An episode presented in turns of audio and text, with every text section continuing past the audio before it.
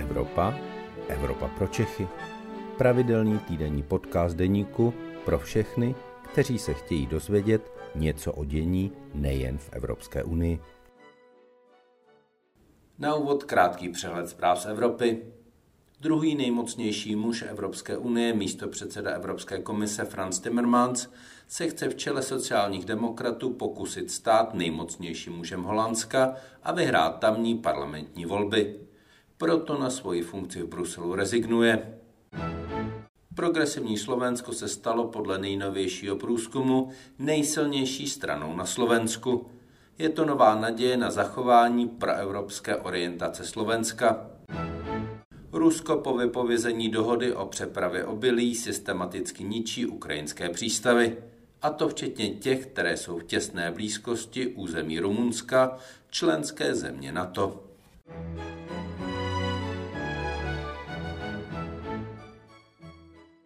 Dobrý den, vítejte v Evropě pro Čechy. Mé jméno je Luboš Palata, jsem evropský editor deníku a mám čest v Evropě pro Čechy přivítat ministra zahraničí Jana Lipavského. Dobrý den. Dobrý den a děkuji za pozvání. Pane ministře, před několika dny skončil summit NATO ve Vilniusu. Skončil úspěchem, nebo to byla taková plichta, že se něco povadlo, něco méně?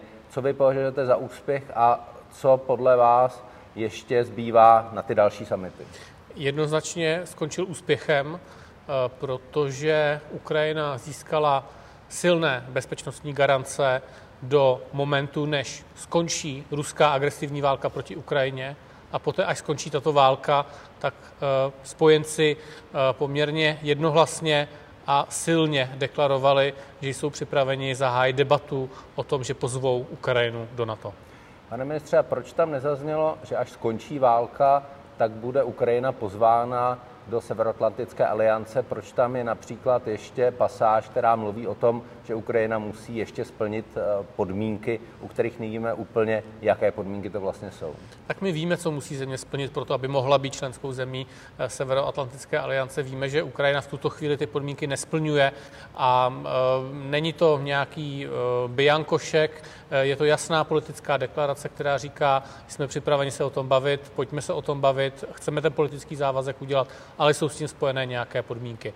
Prezident Zelenský možná měl větší očekávání, a možná to nebylo jenom očekávání prezidenta Zelenského, ale všech Ukrajinců. Na druhou stranu musíme vnímat realitu toho, jak funguje Severoatlantická aliance a opravdu platilo, platí, že až do posledních dnů a vlastně do posledních hodin se ještě dojednával text té závěrečné deklarace.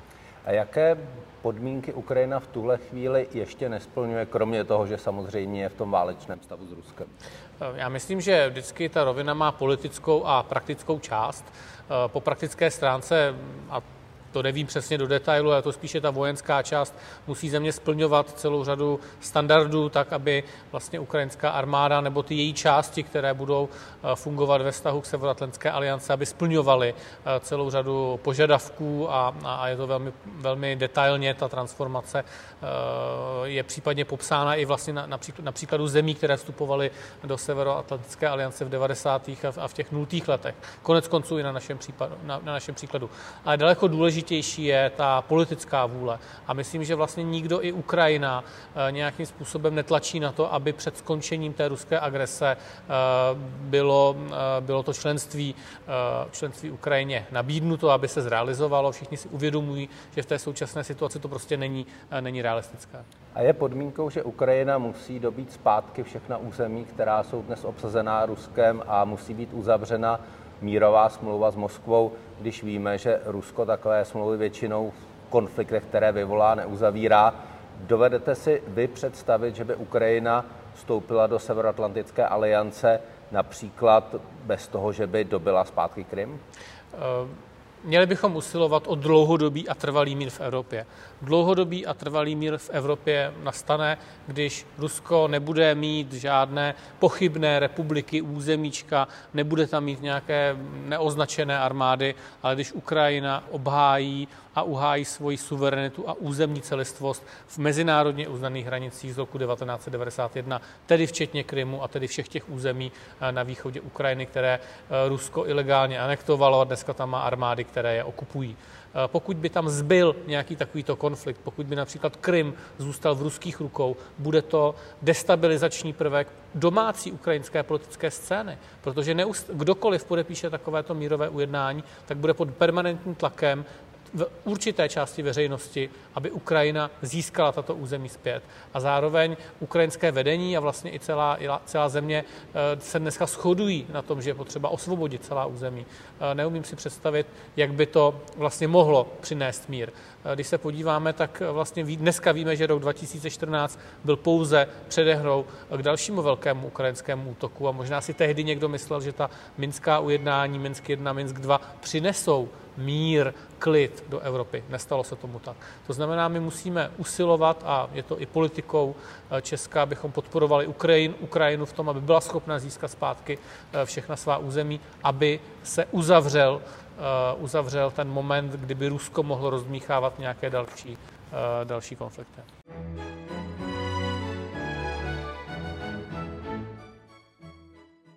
Klíčovým bodem toho samitu bylo také detailní nastavení eh, podmínek, za kterých aliance bude bránit veškerá svá území od prvního okamžiku. Eh, jsou to nejen plusy pro naši bezpečnost, ale jsou tam i závazky.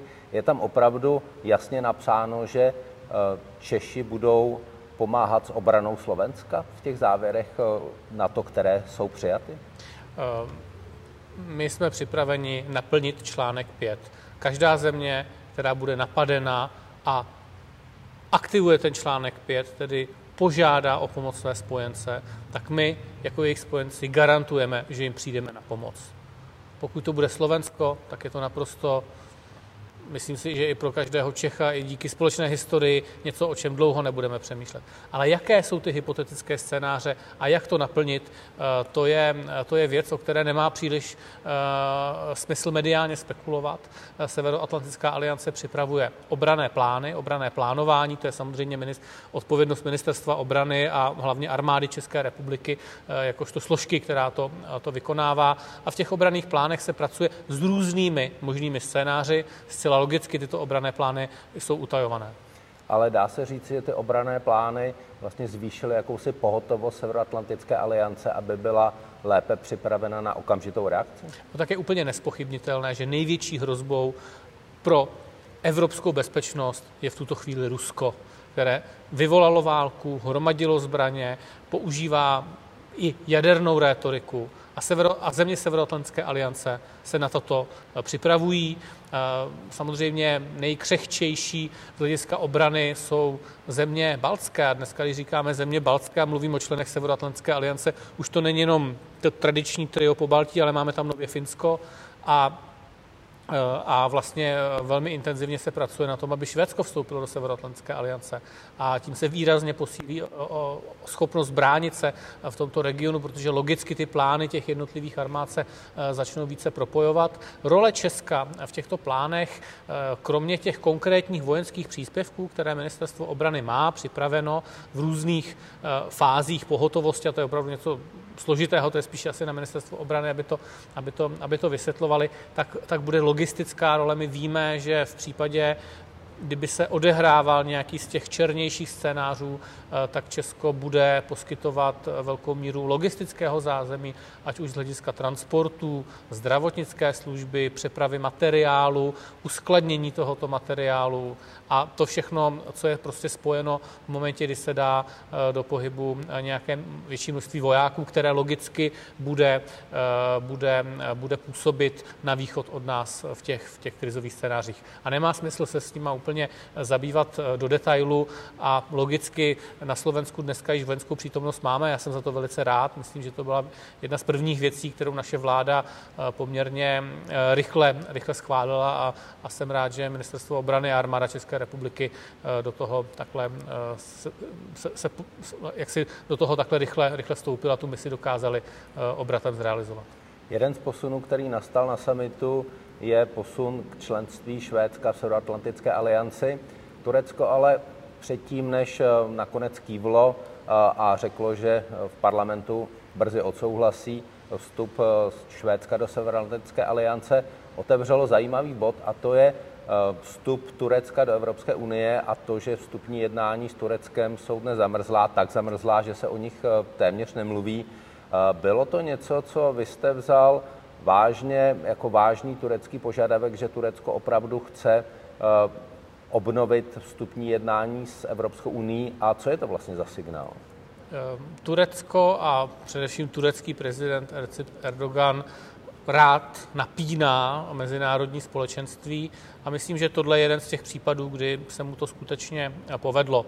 A e, před minulým summitem v Madridu e, vlastně jsme dlouho nevěděli, jestli Turecko bude souhlasit s tím, aby byly podepsány ty mezinárodní smlouvy. To byl akt, který dělal, dělal náš velvyslanec e, na tom, vlastně na tom summitu jménem České republiky a nakonec tedy prezident Erdogan souhlasil s tím, že i Turecko podepsalo tyto dokumenty. Bez, bez, bez těchto podepsaných mezinárodních smluv by tehdy nemohl začít proces ratifikace smluv Finska a Švédska. S tím, že finská smlouva byla v Turecku ratifikována poměrně hladce a, Finsko letos tuším, to byl březen nebo duben, mohlo vstoupit do Severoatlantické aliance, ale eh, na Švédsko se ještě nedostalo a před summitem tedy pan eh, prezident Erdogan oznámil, eh, že on odešle ratifikovat smlouvu do parlamentu. Teď nevíme, kdy se parlament bude, bude scházet. Takže je to určité momentum, které on vytvořil a právě tedy si dovolil to spojit s dalšími požadavky.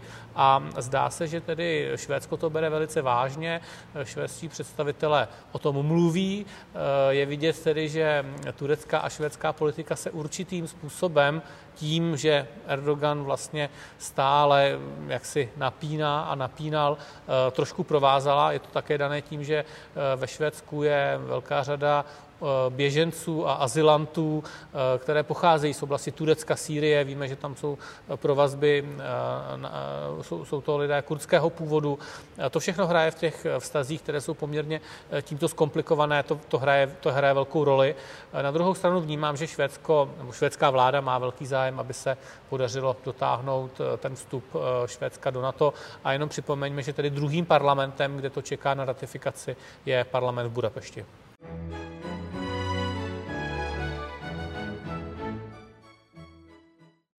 Já bych se přece jenom ještě vrátil k tomu Turecku. Je to pozitivní signál, že Turci otevřeli hmm. uh, možnost dalších rozhovorů o jo, vstupu do Evropské unie? Je to, je to jednoznačně překvapivý signál, protože, protože politika prezidenta Erdogana dlouhou dobu nebyla příliš proevropská a um, ta ty, vyjednáva, ta, ta vyjednávání s Evropskou uní o, o přístupo, ta, ty přístupové rozhovory e, naráží na celou řadu překážek, ať už to jsou některé členské státy, e, které mají celé, e, celou řadu rozporů s Tureckem a není to žádný tajemství, se jedná o Řecko, o Kypr, ale i postoj Francie je v celé řadě otázek velice vlažný.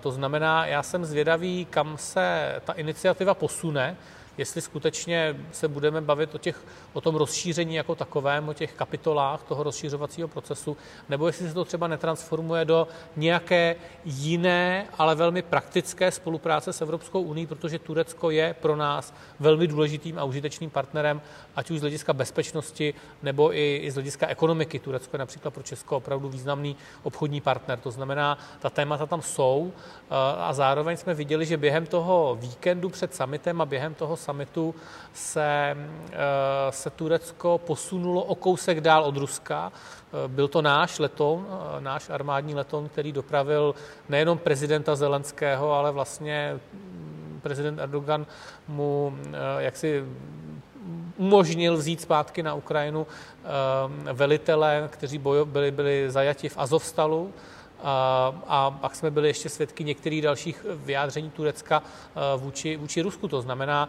e, možná dochází k určitým geopolitickým posunům. E, v těchto dnech vlastně byla vypovězena ta obilná dohoda ze strany Ruska.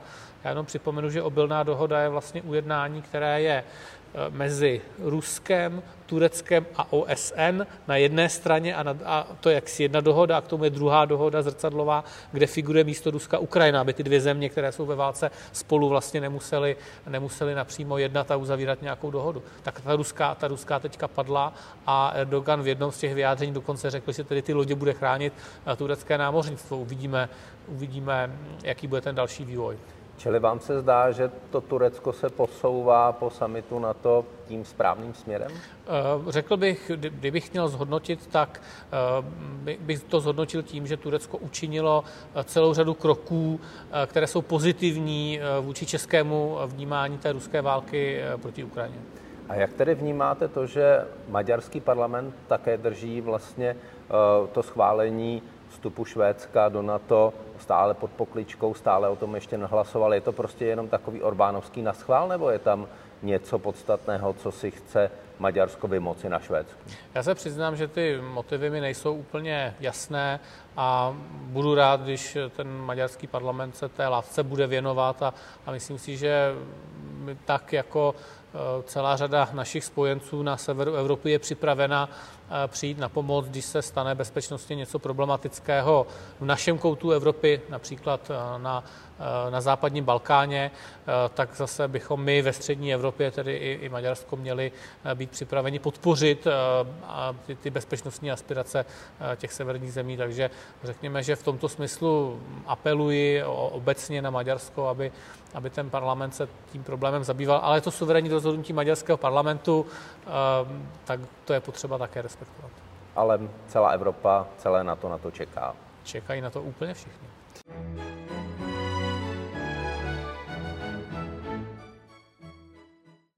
Pane ministře, vy jste byl z ministry zahraničí Slovenska a Rakouska nedávno v Makedonii. Nestává se z rozšíření Evropské unie směrem na západní Balkán taková never-ending story podobná jako s Tureckem? No, je to taková never-ending story, asi jako když se byl v televizi seriál Tak jde čas, ale nic jiného nedávali, takže jsme se na něj museli stále dívat. A stejné je to v tom západním Balkánu. Eh, západní Balkán nemá jinou alternativu než se integrovat do Evropské unie. Všechny ostatní alternativy buď selhávají, nebo nejsou úspěšné, nebo nemají ten dopad. Eh, a ne, že by takové pokusy se čas od času eh, neobjevily.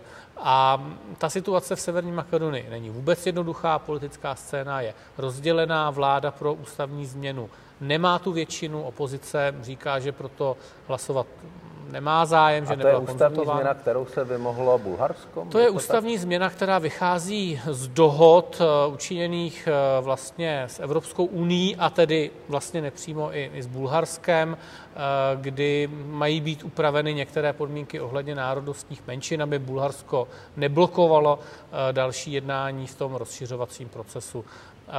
Pokud tedy severomakedonská Eh, pokud tedy Severní Makedonie nebude eh, schopna tyto změny přijmout, tak ten proces pravděpodobně zůstane dále zablokovaný, protože eh, Bulharsko neindikovalo, že by jaksi ze svých představ, ze svých představ ustoupilo.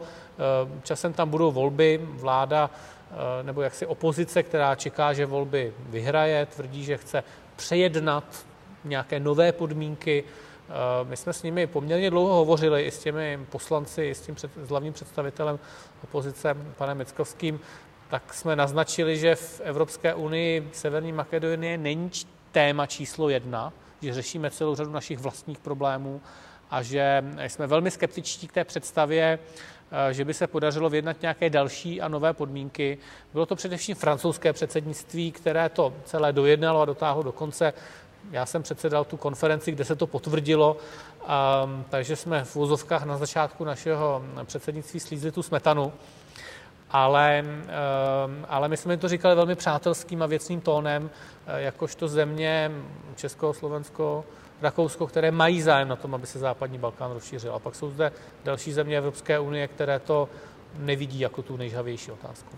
A pane ministře, dá se říci českým občanům, že dejme tomu do deseti let některá z těch zemí, která se dnes na západním Balkáně uchází o členství v Evropské unii, v té Evropské unii bude? Já bych nechtěl hodnotit, ale... Kdo má největší šanci Černá to hodnocení, to, cel, to hodnocení dělá Evropská komise. Je to politický i technický proces zároveň.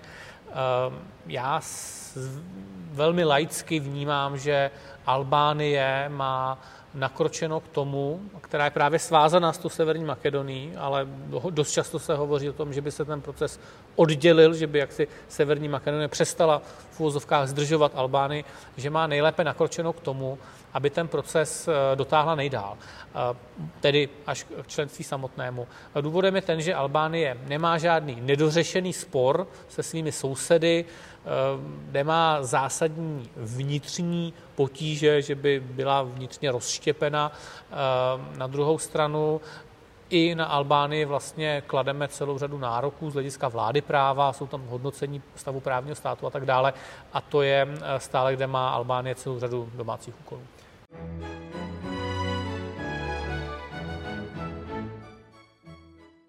Pane ministře, pojďme teď eh, do české domácí politiky, kde je žavým tématem migrační reforma. Eh, pojďme se na ní podívat trochu jinak. Nepřišla Česká republika o desítky miliard eh, korun, možná ještě více, tím, že ta migrační reforma nebyla přijata už před několika lety a my jsme dnes mohli od dalších států Evropské unie požadovat velmi významné příspěvky na ukrajinské uprchlíky a na starost o ně?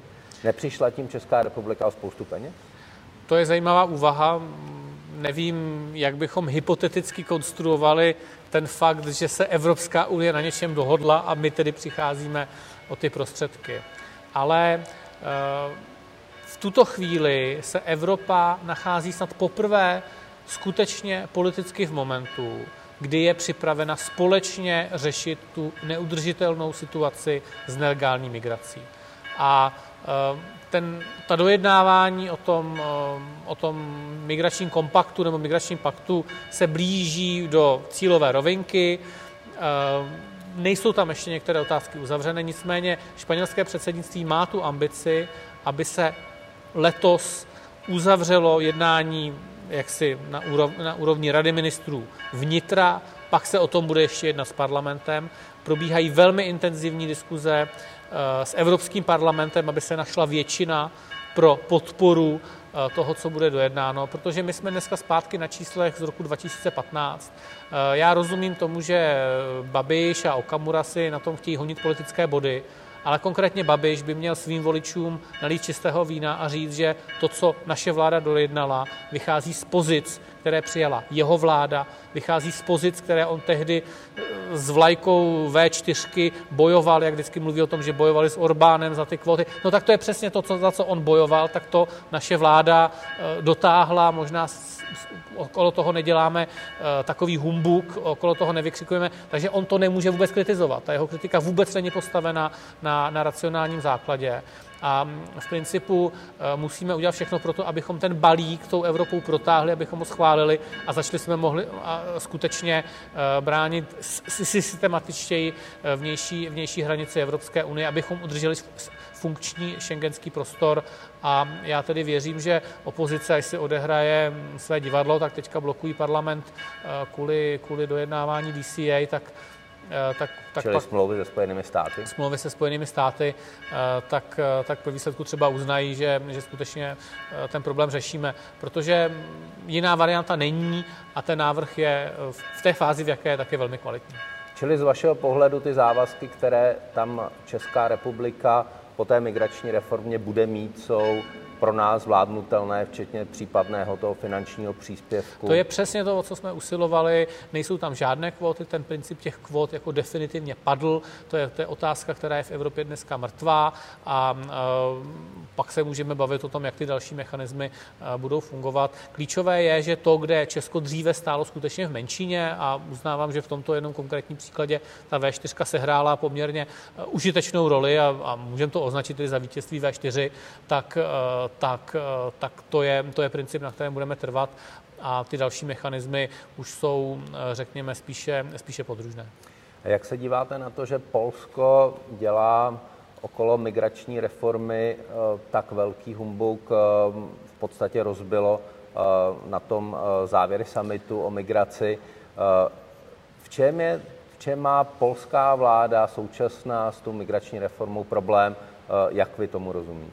Já vnímám, že se v Polsku blíží volby. Já myslím, že to pan premiér po té Evropské radě, kdy vlastně ta naše snaha abychom tam nějakým způsobem vnesli i, i ty kompenzace právě za válečné uprchlíky z Ukrajiny.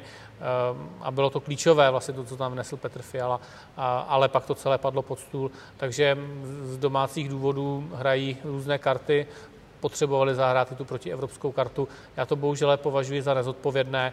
Myslím si, že ta pozice České republiky byla správná, že je správná a doufám, že se jí podaří na další Evropské radě prosadit.